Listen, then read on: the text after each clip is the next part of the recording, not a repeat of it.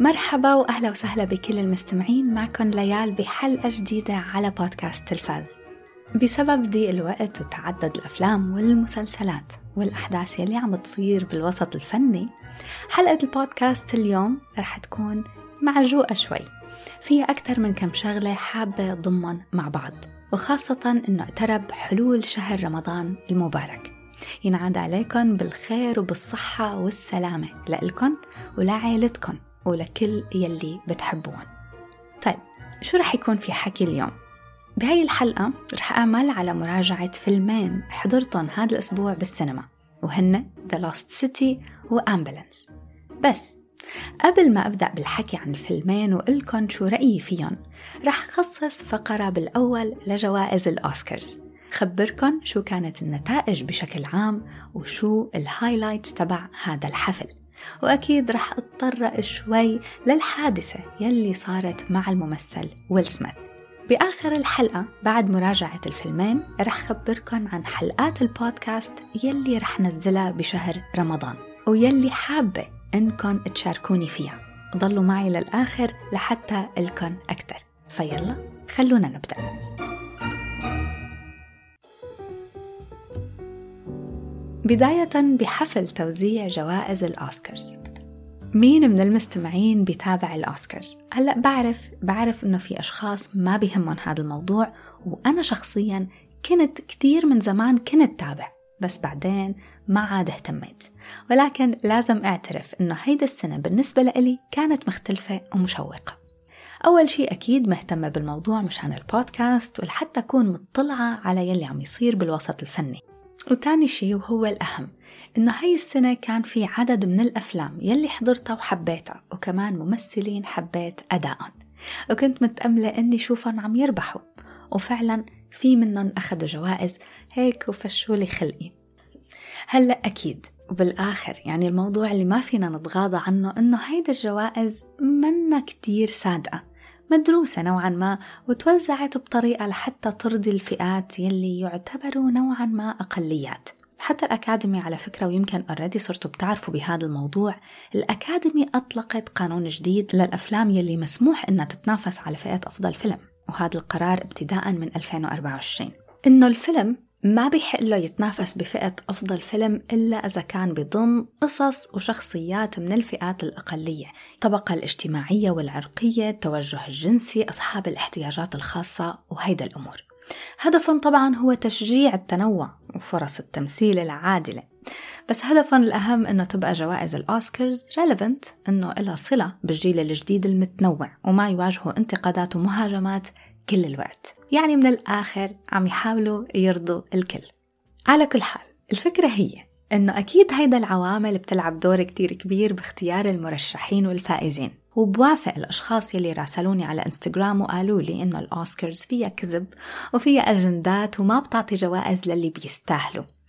بس بنظري إنه إيه صح. ممكن يكون في عوامل بتأثر على اختيار المرشحين والفائزين بس مش معناته إنه كل الفائزين ما بيستحقوا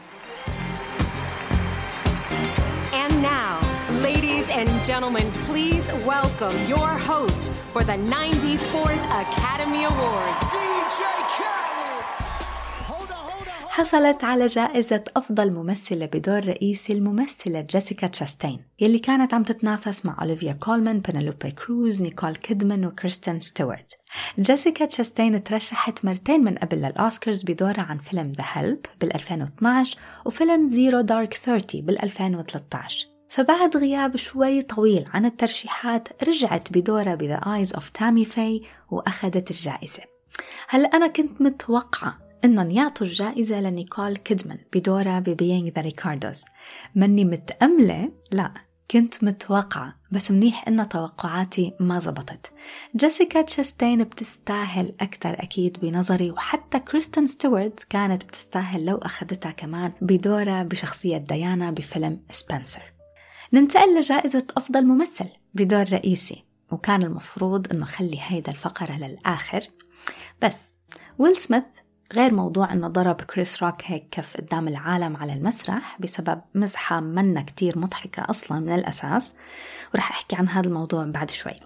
حصل ويل سميث على جائزة أفضل ممثل بدور رئيسي بدوره بفيلم King Richard هيدا أول أوسكار بيحصل عليها بعد ما ترشح مرتين من قبل عن دوره بفيلم Pursuit of Happiness وفيلم ألي وخلال الخطاب تبعه لما استلم الجائزة اعتذر لل Academy عن تصرفه أمام الجمهور um, I want to apologize to the Academy. I want to apologize to my, all my fellow nominees. Um, this is a beautiful moment. هلا ويل سميث اليوم الصبح اعتذر كمان مرة تانية على صفحته على ال social media بس حابة أضيف شي هون على هيدا النقطة ولأنه دار عدد من الأحاديث بيني وبين بعض المستمعين حول هذا الموضوع على الإنستغرام. كتير أشخاص قالوا لي إنه هيدا كان كلها تمثيل وكانت كذبة. وأنا بصراحة كنت مفكرتها كذبة وكنت نوعا ما مية بالمية متأكدة إنه كلها تمثيل. ولكن بعد ما حضرت المشهد كله وشفت الطريقة يلي كمل ويل سميث المسبات على كريس روك من بعد ما رجع على المقعد تبعه. هذا الشيء حسسني إنه يمكن يلي بلش بمزحة انقلب لجد. المهم كذب ولا تمثيل ولا حقيقة. النقطة يلي بدي أقولها. شخصيا بنظري إنه العنف والضرب منه وسيلة لحتى الواحد يعلم التاني درس. ومنه وسيلة أبدا لحتى الشخص يدافع عن يلي بيحبه. العنف والضرب هي وسيلة الواحد ممكن يلجأ لها إذا بحس حاله محاصر مخنوق ما في ولا طريقة ممكن يدافع عن حاله فيها إلا بهيدا الطريقة. ويل سميث شخص عنده مكانة وعنده جمهور بيحبه وبيسانده فبيقدر إنه كان يعلم كريس روك درس بكتير طرق حضارية تانية في شخص امبارح على الانستغرام قال لي لو كان ويل سميث أخذ موقف وترك الحفل وطلع بالآخر هو رابح الأوسكار كان هذا التصرف أقوى من إنه يضرب. وبوافق هذا الكلام وبقول إنه هذا الحكي صح. كان ممكن يستخدم كتير طرق تانية يعبر فيها عن هذا الغضب تبعه أو إنه يعلم كريس روك درس كان ممكن. لأنه بالأساس بعتقد إنه العالم يلي بيحبوا ويل سميث كتير أكتر من العالم يلي بيهتموا لكريس روك ما بدي آخذ جزء كبير من هيدا الحلقة لحتى أحكي عن هذا الموضوع بس بدي أضيف إضافة سريعة. العنف موضوع حساس خاصة بهيدا الأيام يلي كتير فيها عنف وكتير فيها حروب ودم وقرف. بس الشي اللي بدي أقوله وكنت عن جد بتمنى أنه لو هيدا كانت جلسة حوارية لحتى أقدر أحكي أكثر بهذا الموضوع وأتبادل الأفكار مع الأشخاص يلي معي. آخر شي بدي أقوله إنه للأشخاص يلي بفضلوا العنف والصريخ والكلام البذيء للدفاع عن يلي بتحبوهم إذا عن جد أنتوا بتحبوا الشخص الآخر لهيدا الدرجة قبل ما تتصرفوا أي شي خدوا بعين الاعتبار مشاعر وأحاسيس الطرف الثاني وشو هو بفضل إنكم تتصرفوا وشو هو بنظرة تصرف بيعبر عن الحب والحماية والأمان This is the first Oscar and nomination for Troy Kotzer. He is the second deaf actor to win.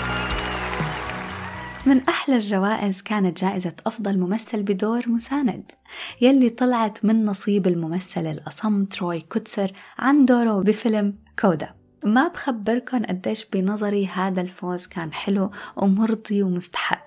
الفيلم كله روعة. صرت قايلة كتير إنه لازم تحضروه وبرجع بعيد بهيدا المناسبة إنه إيه لازم تحضروه. فيلم بيدخل للقلب كتير سهل للمتابعة بيحكي مع المشاهد بطريقة لطيفة وسلسة. وبما أني لسه عم أحكي على نقطة قديش فيلم كودا لازم كل العالم تحضره حصل الفيلم على جائزة أفضل فيلم لهذا العام.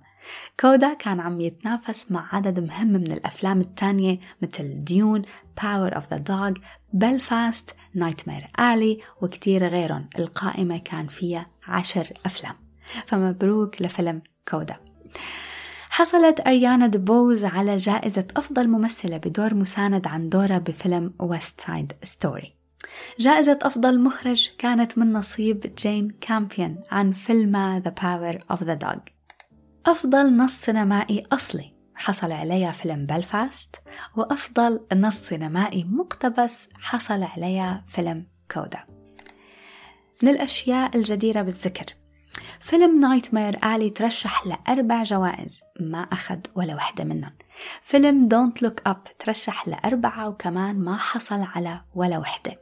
هلأ الفيلم ما كرهته بالعكس كان فيه كم شغلة عجبوني بس ما بيستحق إنه يتنافس بالأوسكارز أبدا. فيلم The Power of the Dog شخصيا كنت متوقعته يفوز بكذا جائزة. من أفضل دور مساند لأفضل فيلم بس بالآخر من 12 ترشيح حصل على وحدة وهي أفضل مخرجة. أما فيلم ديون من بين عشر ترشيحات حصل على ستة. يعني لا تعليق لأنه بنظري ولا جائزة من هدول الجوائز كانوا من الفئات الأساسية.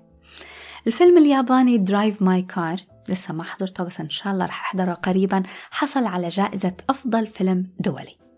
أما فيلم CODA ترشح لثلاث جوائز وفاز فيها كلها.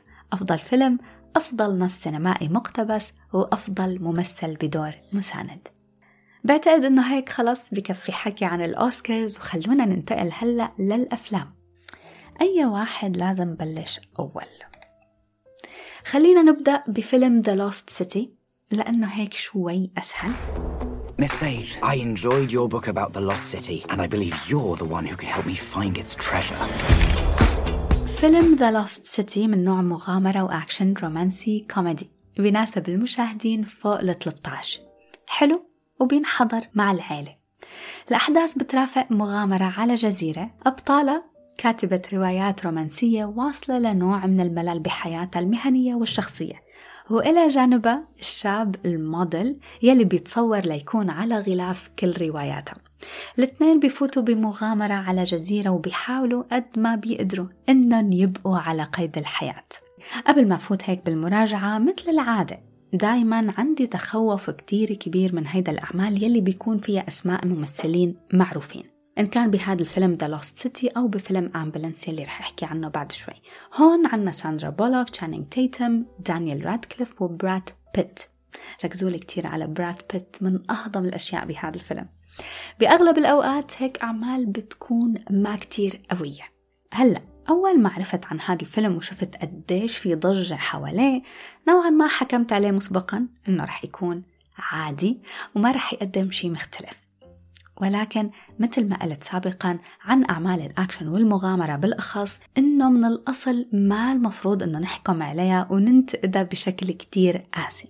ما المفروض نكون متوقعين شيء كتير رهيب رح يحركنا من جوا ويغير لنا رأينا عن السينما والأعمال والأفلام لأن هي بالأصل معمولة للتسلية وللترفيه مو أكتر.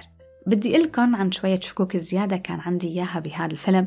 كان عندي تساؤلات كتير كبيرة حول الثنائي بهذا العمل. اختيار ساندرا بولوك وتشانينج تيتم ليكونوا أبطال لفيلم The Lost City كان عندي شك بالكاريزما كان عندي شك بالقصة يلي ممكن تجمعهم مع بعض وشك باختلاف أنواع الأعمال يلي أنا متعودة أشوفها من الطرفين.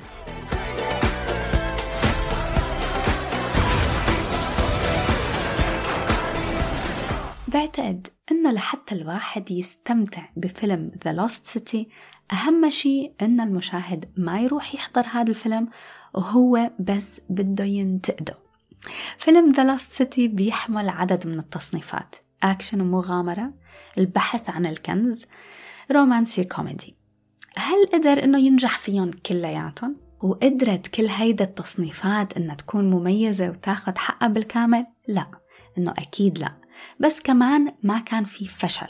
كان في genres أضعف من الثانية صح؟ بس ما كانت فاشلة.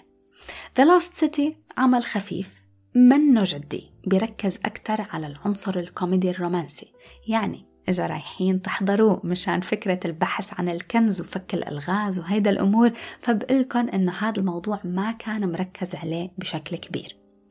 ال romance والكوميديا يعني ساندرا بولوك وتشانينج تيتم عجبوني. استمتعت فيهم على الشاشة كتير. ساندرا بولوك كتير بيلبق لها هذا النوع من الأعمال أكتر بكتير من الدراما يعني مثل فيلم Unforgivable.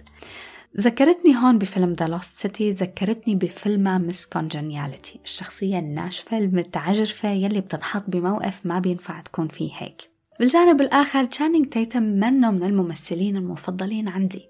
ونوعا ما الأفلام يلي بيمثل فيها منا كتير من ذوقي ولكن فيني أقول هون أني شفته بنظرة مختلفة.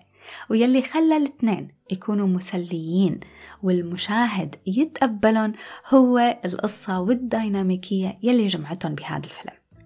والشك يلي كان عندي إياه بالأول حولهم راح لأنهم اختاروا فكرة مناسبة ممكن تجمع هيك شخصيتين مع بعض. كتير طلعت حلوة كتير طلعت طبيعية ما فيها تصنع على الإطلاق. The Lost City سهل ولطيف بنصح الأشخاص أنهم يحضروا إذا بدهم شي خفيف ومسلي. هذا من الأفلام يلي أكيد لما يجي وقتها لتطلع على التلفزيون وخدمات المشاهدة الواحد بيختارها لحتى يحضرها مع العيلة ومع الرفقات. الفيلم نفسه منه كتير طويل ساعة وأربعين دقيقة بعتقد ما بيزهق. الكوميديا بالنسبة لإلي نجحت. ما بعرف كيف.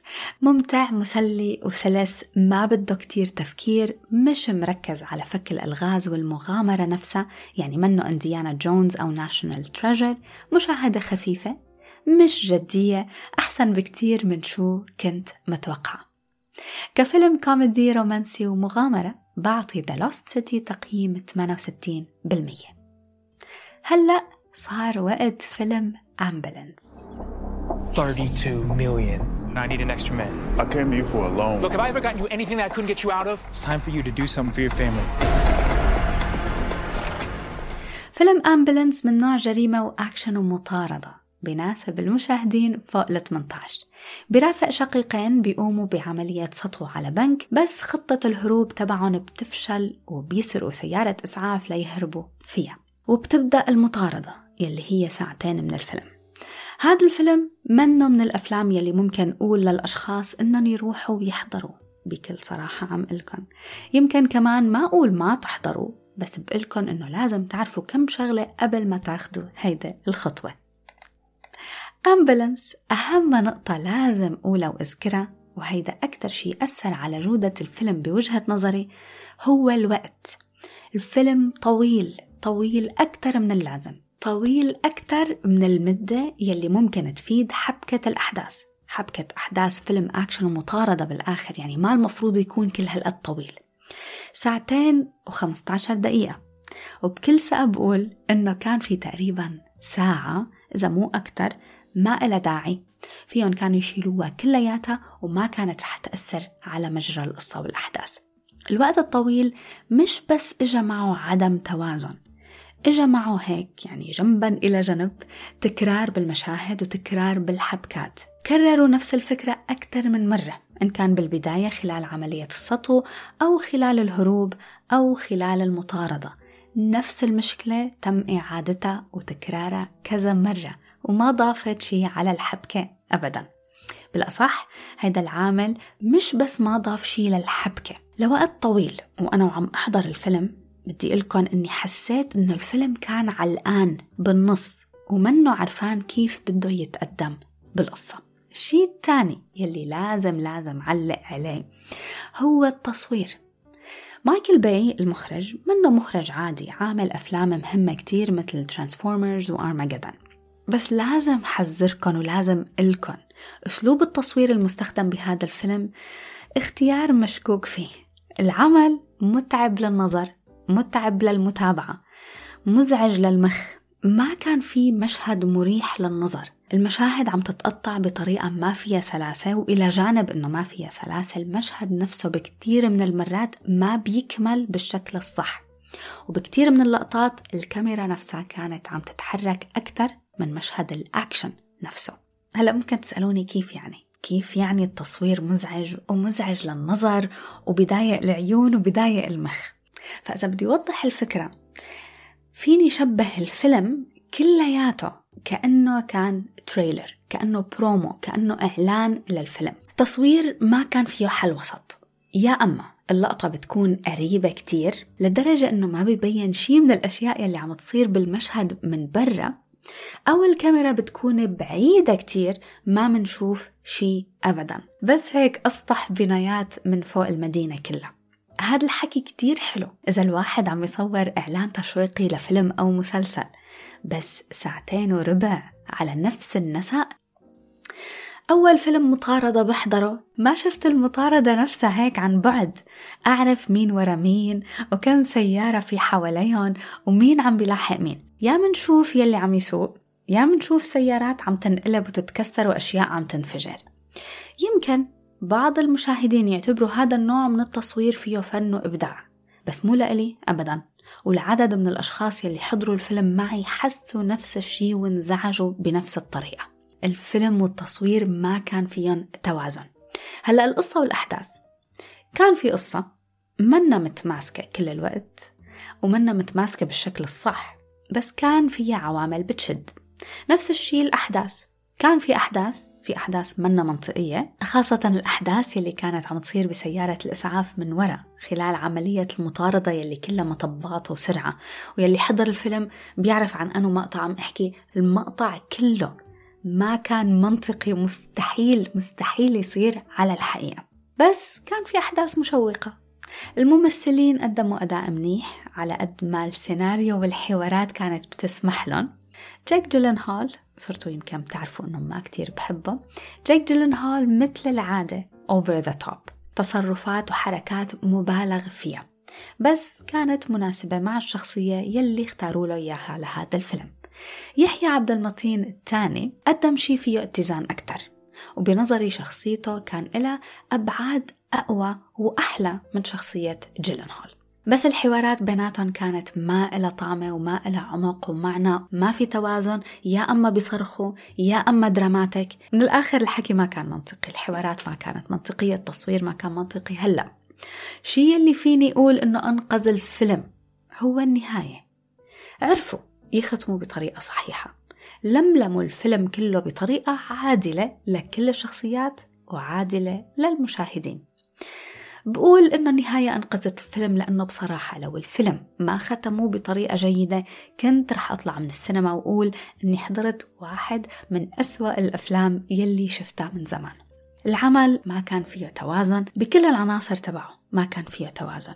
كان مأرجح بين عوامل الضعف وعوامل ما خدمت الفيلم بالشكل الصح. وأهم شي فيني أقوله إنه الفيلم منه عقلاني منه منطقي فوضوي. بس النهاية تركت جواتي شعور بالرضا تركت جواتي شعور بالرضا إنهم ما ضيعوا لي وقتي كله على الفاضي. بعطي فيلم أمبلنس تقييم 58%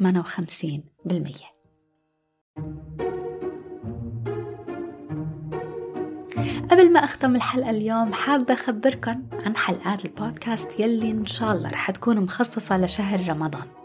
الحلقات بهذا الشهر رح تكون من نوع حواري رح أستضيف معي على البرنامج زملاء وأصدقاء بيتابعوا مسلسلات عربية. ومع بعض رح نناقش هيدا الأعمال. أول حلقة حوارية رح تكون عن مسلسلات رمضان من أيام زمان. أعمال قديمة حبها الجمهور وكنا نتابعها مع العيلة ومع الرفقات. حبيت من الأول هيك أرجع شوي لأيام زمان ورجع نوع من النوستالجيا لهيدا الأعمال يلي نوعا ما بنفتقدها بهذا الوقت. أهم الموضوع أنه الحلقات رح تكون حوارية حابة ضم آرائكم ف please راسلوني على انستغرام podcast underscore تلفاز وبعتولي مش بس مسجات مكتوبة بعتولي voice notes لحتى ضمها للحلقات. شو مسلسلكم العربي القديم المفضل يلي عرض بشهر رمضان وبذكركم بأيام زمان؟ ليش حبيتوه؟ وإذا بتحسوا إنه بهذا الوقت في ضعف بالمسلسلات يلي عم تعرض وليش؟ شكرا لكم شكرا لمرافقتكم وإذا في أي شيء بتحبوا تتواصلوا معي وتخبروني إياه مثل العادة فيكم تتواصلوا معي على الانستغرام podcast underscore تلفاز وعلى الإيميل بودكاست تلفاز at شكرا مرة تانية بشوفكم بحلقة جديدة وفيلم جديد ومسلسل جديد وأعمال جديدة وحوارات جديدة. باي باي